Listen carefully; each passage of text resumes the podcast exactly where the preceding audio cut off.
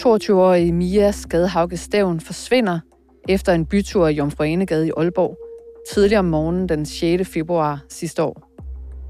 Hun har forladt festgaden uden sit overtøj og står i kulden ved busstoppestedet for en netto på Vesterbro. Pludselig trækker en sort bil ind til siden, og Mia stiger ind. Det er sidste spor af den unge kvinde. Lige indtil fire dage senere, hvor efterforskningsleder Frank Olsen fra Nordjyllands politi indkalder til pressemøde. Her redegør han først for de mange steder, politiet har søgt efter Mia. Så tager han en indånding, tøver et par sekunder, og så siger han sådan her. Det har ført til, at vi for kort tid siden i Dronning Lund Storskov har fundet dele af et menneske. Det er vores opfattelse, at der er tale om den savnede Mia Skadhauke Stævn. Det er en samlet vurdering af efterforskningen og sporsikringen, der leder os til den konklusion. Vi er af den opfattelse, at Mia er blevet offer for en forbrydelse. De pårørende er underrettet. Vi får nogle tips på kriminalreaktionen. Fra forskellige kilder i miljøet. Og det er jo faktisk Virkelig grove forbrydelser, også altså voldsforbrydelser. Hvad ser vidnerne i sagen? Hvem står bag? Hvad er motivet? Ja. Konflikt imellem Forskellige grupperinger. Drab. Vold. Hævn. Hver uge vender vi aktuelle kriminalsager på Ekstrabladet. Nu starter retssagen mod den 37-årige mand, der blev anholdt og sigtet for drab, allerede før Mia blev fundet død. Jeg hedder Linette Krøge Jespersen. Med i studiet er Christian Kornø. Og så har vi Jens Hansen Havskov med på telefonen. Jens Hansen, det er dig og Linette, der skal dække sagen i retten i Aalborg, der starter onsdag. Hvad er det for en tiltale, manden bliver præsenteret for i retten? Ja, når anklageskrift bliver læst op, for det er jo noget af det, det første, der sker i sådan en sag, det er, at øh, han bliver præsenteret for en sag med tre forhold, hvor der ligger en hel masse detaljer i. Og først og fremmest, og den mest alvorlige, det er selvfølgelig tiltalen om manddrab. Og så øh, er der den om voldtægt og anden seksuel forhold, en øh, samleje, og så er der det usømmelige omgang med lige. Hvis man skal tage dem i den kronologiske rækkefølge, der sker det, at hun den, der tidligt om morgenen den 6. februar bliver samlet op. Der stopper den her sort bil ud fra, hvor hun befinder sig på Vesterbro i Aalborg. Vinduet bliver rullet ned i bilen. Hun står der og fryser. Har ikke, hun har ikke sin overtøj på. Og øh, der er en kort overveksling mellem de to. Det kan man se på et øh, på videoovervågning. Øh, hvorefter hun sætter sig ind i bilen. Øh, og fra det tidspunkt, der er klokken 6.09, det ved vi jo så fra anklageskriften, fra det tidspunkt, og så øh, er der så lagt en tidsperiode på øh, faktisk 9 timer ind øh, på den del, der hedder øh, manddrab. Det øh, handler om, at der bliver, ifølge anklageskrift, bliver kørt derfra og så op i det, der hedder Hammer Bakker, som ligger cirka 20-25 minutters kørsel fra Aalborg, hvor hun formentlig bliver udsat for øh, voldtægt. Og øh, der står og eller, så spørgsmålet er, om hun bliver dræbt derop eller senere øh, i mandens hjem, som ligger i Flavnskjold, som ligger øh, kvarter 20 minutters kørsel derfra igen. Men det er altså også en del af de steder, der er udpeget altså som gerningssteder i sagen. Så enten bliver hun dræbt derop, eller så bliver hun øh, dræbt øh, i hjemmet. Der øh, sker det, at øh, altså, politiet ved det jo nok ikke præcis, eftersom de har lagt så lang en gerningsperiode ind. Øh, men efter den så sker, så er der så den del med øh, usømmelig omgang med lige, og det er fordi, at øh, som det er beskrevet meget øh, ja, bestialsk, men det er jo så sådan, det er. Man skal jo forholde sig til, til virkeligheden for det, de har. At øh, livet bliver parteret i ikke øh, under 231 dele. Og det sker ved hjælp, altså igen ifølge anklageskriftet, af en øh, bajonetsav, en elektrisk bajonetsav og en saks og en hobbykniv. Og der må man formode, at øh, kriminalteknikerne kan øh, dokumentere den del. Så det er øh, meget øh, bestialsk, både det ene og det andet. Og der sker så det efterfølgende, og der er lagt en øh, gerningsperiode ind, som faktisk tre døgn, hvor de her dele dels bliver øh, øh, forsøgt opløst i kaustisk soda og afløbsrens, formentlig i mandens hjem, og så øh, derefter blive kørt ud til øh, det, der hedder Dronninglund Storskov, hvor øh, ligedelene bliver fordelt øh, over et større område. Og vi ved så det sted her, hvor, hvor, hvor de fandt den, den største del af det, men øh, også andre steder i skoven.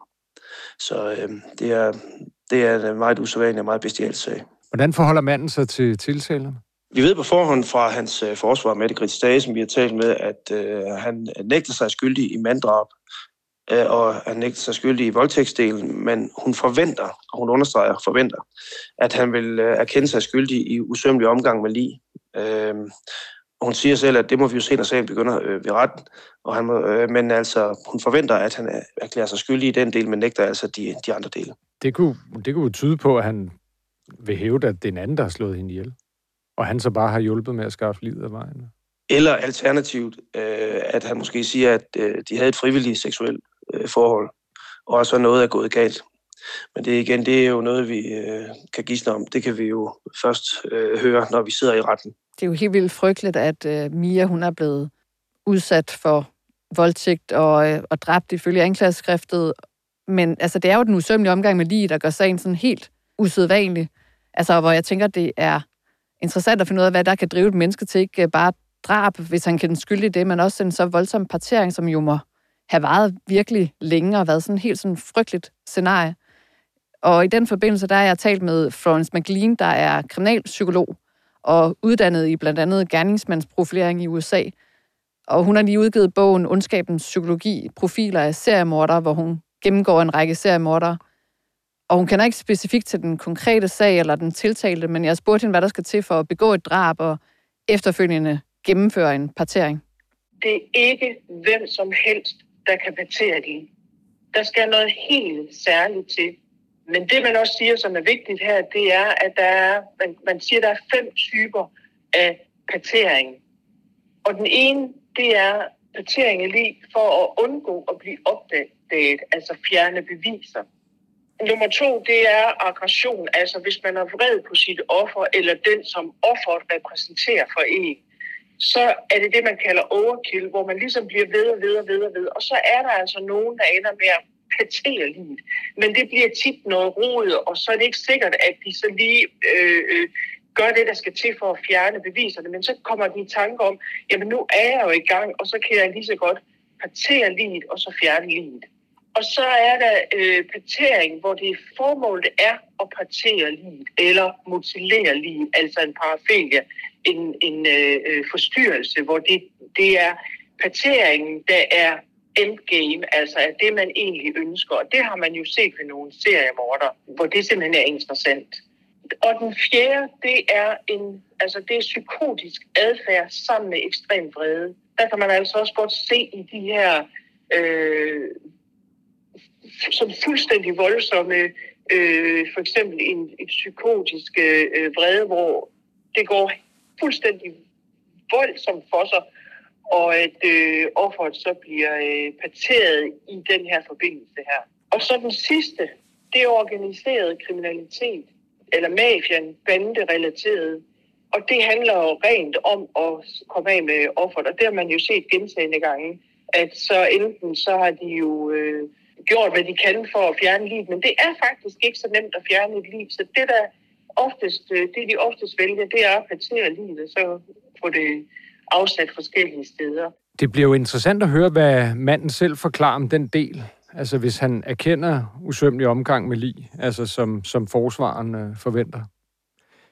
Jens Hansen, hvem, hvem er den, den tiltalte? Han er 37 år, snart 38 i øvrigt, og han er udlært øh, håndværker. Han har en uddannelse som elektriker, som han har taget i øh, voksenlærer. Vi ved fra den personkreds omkring ham, øh, dem som han har læst sammen med, og nogen som kender ham som naboer og så videre, at, at han har tidligere forsøgt sig med andre uddannelser, og har været lidt inde på forskellige ting, som så han er stoppet med igen, blandt andet noget revisor og noget seminar, noget, hvor han også har haft tilknytning til, men han havnede til synligheden på den rette hylde som elektriker, fordi han er fagligt viste sig meget dygtig, og han fik faktisk som den eneste på sin overgang sølvmedalje ved sin svendprøve. Og det er den, øh, den højeste udmærkelse, man kan få. Øh, og derudover så fik han faktisk også sådan en øh, erhvervspris, øh, som man giver til særlige talenter inden for det fag, de nu arbejder med. Så, så han er rent fagligt er han øh, meget, meget kompetent og dygtig. Øh, og det betegner hans øh, kolleger så, ham så også som. Som person er det sådan lidt mere broget, må vi sige. Altså han er, han er en mand, der har en ganske lille omgangskreds, som, som vi har øh, kunne få at vide. Øh, måske så lille, at hans øh, angiveligt eneste rigtige ven, eller i hvert fald indtil det her skete, det er den barndomsven, som øh, sammen med ham blev anholdt 9. februar 22 og, og fremstillet i grundlovsfører i den her sag. Den person er jo så siden skrevet helt ud af sagen og er fuldstændig renset for mistanke. Men, men, men han er hans ven op igennem mange år som, som barndomshjemven, og også her i, i voksenlivet. De har mødtes tidligere, i, øh, da de var børn, i en judoklub, og hængt ud sammen lige siden. Med, øh, men, så, altså, ud over den, hans egen nærmeste familie, altså hans mor og far og hans forældre, så er det faktisk ham, som den eneste, der kommer og besøgte ham, fortæller naboen. Både der, hvor han boede, inden det her skete, og også øh, op til i den, den ejendom, hvor han boede i. Så, så han er en øh, person med en meget lille personlig omgangskreds. Kigger man så igen på det der faglige, for vi har talt med nogle af dem, han har læst sammen med, og været på teknisk skole sammen med, når han var på skoleophold under sin uddannelse til elektriker. Altså, øh, på det personlige plan, der kaldte de ham sergeanten, blandt andet fordi han gik altid i sådan meget stringent påklædning, hans fremtoning og sådan lidt militaristisk. Han er altid militærstøvler på, for eksempel. Army-bukser og øh, trøjen øh, knivskarpt og stramt ned i bukserne. Alt skulle ligesom køre efter en snor. Det skulle de så også rent fagligt, og det var han så også i stand til, fordi han var jo dygtig. En af dem, som tit sad sammen med ham i kantinen, siger, at han, de synes, han havde en noget særlig form for øh, det, han i hvert fald synes var sjovt. Det var ikke altid, de synes, det var sjovt, men han havde sådan meget grovkornet og også over for kvinder nedværdigende humor, hvor han fortalte nogle historier, som, som de ikke altid synes var lige sjove, som han selv synes. Øh, men han betegnede sig selv sådan som, som lidt som damernes mand. Altså han kunne få dem, han ville, og der selv øh, pegede meget på, at han var interesseret i unge kvinder. Og det kunne de så også i øvrigt se, fordi på den der tekniske skole, hvor han gik, og sammen med de andre, der lå også en HTX, og det gør der stadigvæk, afdeling, hvor der var altså en øh, teknisk gymnasium, hvor der var mange kvinder. Og der var han tit forbi og ligesom at kigge og se på de her øh, elever, hvad, hvad det var for nogen, og så kunne han fortælle historier om det efterfølgende. De betegner ham lidt som øh, på det personlige plan også så meget øh, enrådig og øh, påståelig. Altså eksempelvis var han øh, med på et noget byggeprojekt i, i Aalborg, som det her halvstore firma, som han er udlært ved, øh, havde. Og øh, der gik han meget for sig selv. Øh, dels fordi, at det var naturligt nok for selv at arbejde, men også fordi han var lidt øh, svær at arbejde sammen med. Fordi hvis man nu påpegede et eller andet øh, rent teknisk, hvis det var øh, noget, der stak ud i forhold til det, han havde forestillet sig, hvordan et eller andet bestemt stykke arbejde skulle laves, så, øh, så fik man læst og påskrevet. Så, så han, øh, han sugede ikke ligefrem folk til sig på den måde. Altså nu er der jo en seksuel dimension også i, i denne her sag, så derfor synes jeg, det er nærliggende at spørge til, om han har haft, altså om I kender til, at han har haft sådan længerevarende øh, forhold til, til, til kvinder. Han har angiveligt ikke haft øh, nogle forhold, der sådan er længerevarende, men han har haft øh, i hvert fald en kæreste, det ved vi. Øh, og det ved vi, for det taler ind i øh, en sag, hvor han tidligere er dømt, hvor det heller ikke øh, endte særlig godt, fordi da hun slog op med ham, der øh, bliver, gør han så efterfølgende nogle ting, som han så har været i retten for og dømt for. Øh, og det handlede faktisk om, at han øh, øh mod den her øh, unge kvinde, at han en aften eller nat lister sig ind i hendes og øh, hendes mors, der hvor de bor, i deres indkørsel og klipper bremserør og bremseslanger over på den bil, de har til at stå i indkørslen, altså deres egen bil. Øh, og det er jo, øh, det betyder jo, at bremserne ikke virker på en bil, og det er jo dødsensfarligt faktisk, hvis øh, det kan det være i hvert fald. Øh, og det er ligesom en form for hævn fra hans side, da hun slår op med ham. Hvad jeg synes, der var interessant i den sag, det er, at i retten, der fortalte ekskæresten, at øh, han fulgte efter hende, når hun var i Jomfru Enegade, efter deres brud. Man kan jo ikke lade være med at, ligesom at relatere det til øh, den aktuelle sag. Nej, det er rigtigt. Øh, det er ligesom om, at han måske øh, føler, at han er, har en besiddertrang over, og selvom hun har sagt nej til ham, så mener han ikke, at øh, det skulle hun ikke bestemme.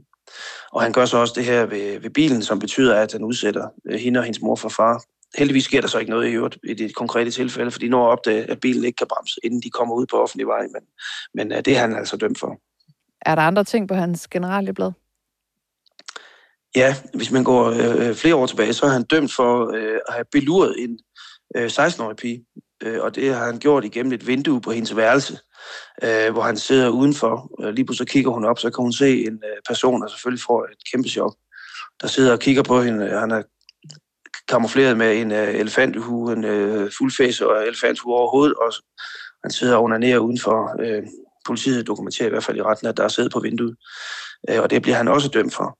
Og så er der en, øh, en tredje ting, øh, nemlig hvor han med et falsk øh, ID-kort, altså som en falsk øh, uniform, møder op sammen med en anden person øh, under øh, Dana Cup, som er en meget, meget stor øh, ungdomsfodboldturnering i, i Nordjylland, ved en øh, øh turneringsfest der efter fodbolden, hvor der er øh, mange, mange hundrede øh, unge mennesker mellem øh, 11, 12 og, og, og 18, 30, 19, 18, 19 år, altså unge mennesker, hvor han øh, sammen med den anden person kommer ind øh, og udgiver sig for at være politifolk, men øh, kommer formentlig for at kigge på, på, på, på dem, der er der. Øh, det er i hvert fald en interesse, han selv har givet udtryk for. Der sker så heller ikke øh, noget øh, konkret, øh, i og med at de her vagter, der er ved sagen, får mistanke til dem, og de bliver så øh, bedt om at gå derfra. Men der kommer altså en sag ud af det sidenhen, og der har han også en plet på sin straffetest. Men det skal jo være fairness siges, at øh, dommen i forhold til det med ekskæresten, det er tilbage i 2010, og det og så den her blufærdighedskrænkelse, hvor han belurede ind gennem vinduet, altså samlet gav det en straf på 60 dages fængsel, og sagen fra Danakop, der blev der slet ikke udmålt en straf, hvis de ikke begik noget inden for øh, øh, et års prøvetid. Så man kan sige, det er jo, hvad kan man sige, man kan jo ikke kalde det småting, men det er ikke øh, nogen domme, der er helt op og, og ringe på, øh, på sanktionen. Det er det ikke, og det er heller ikke noget, der øh, kan sammenlignes på nogen måde med det her.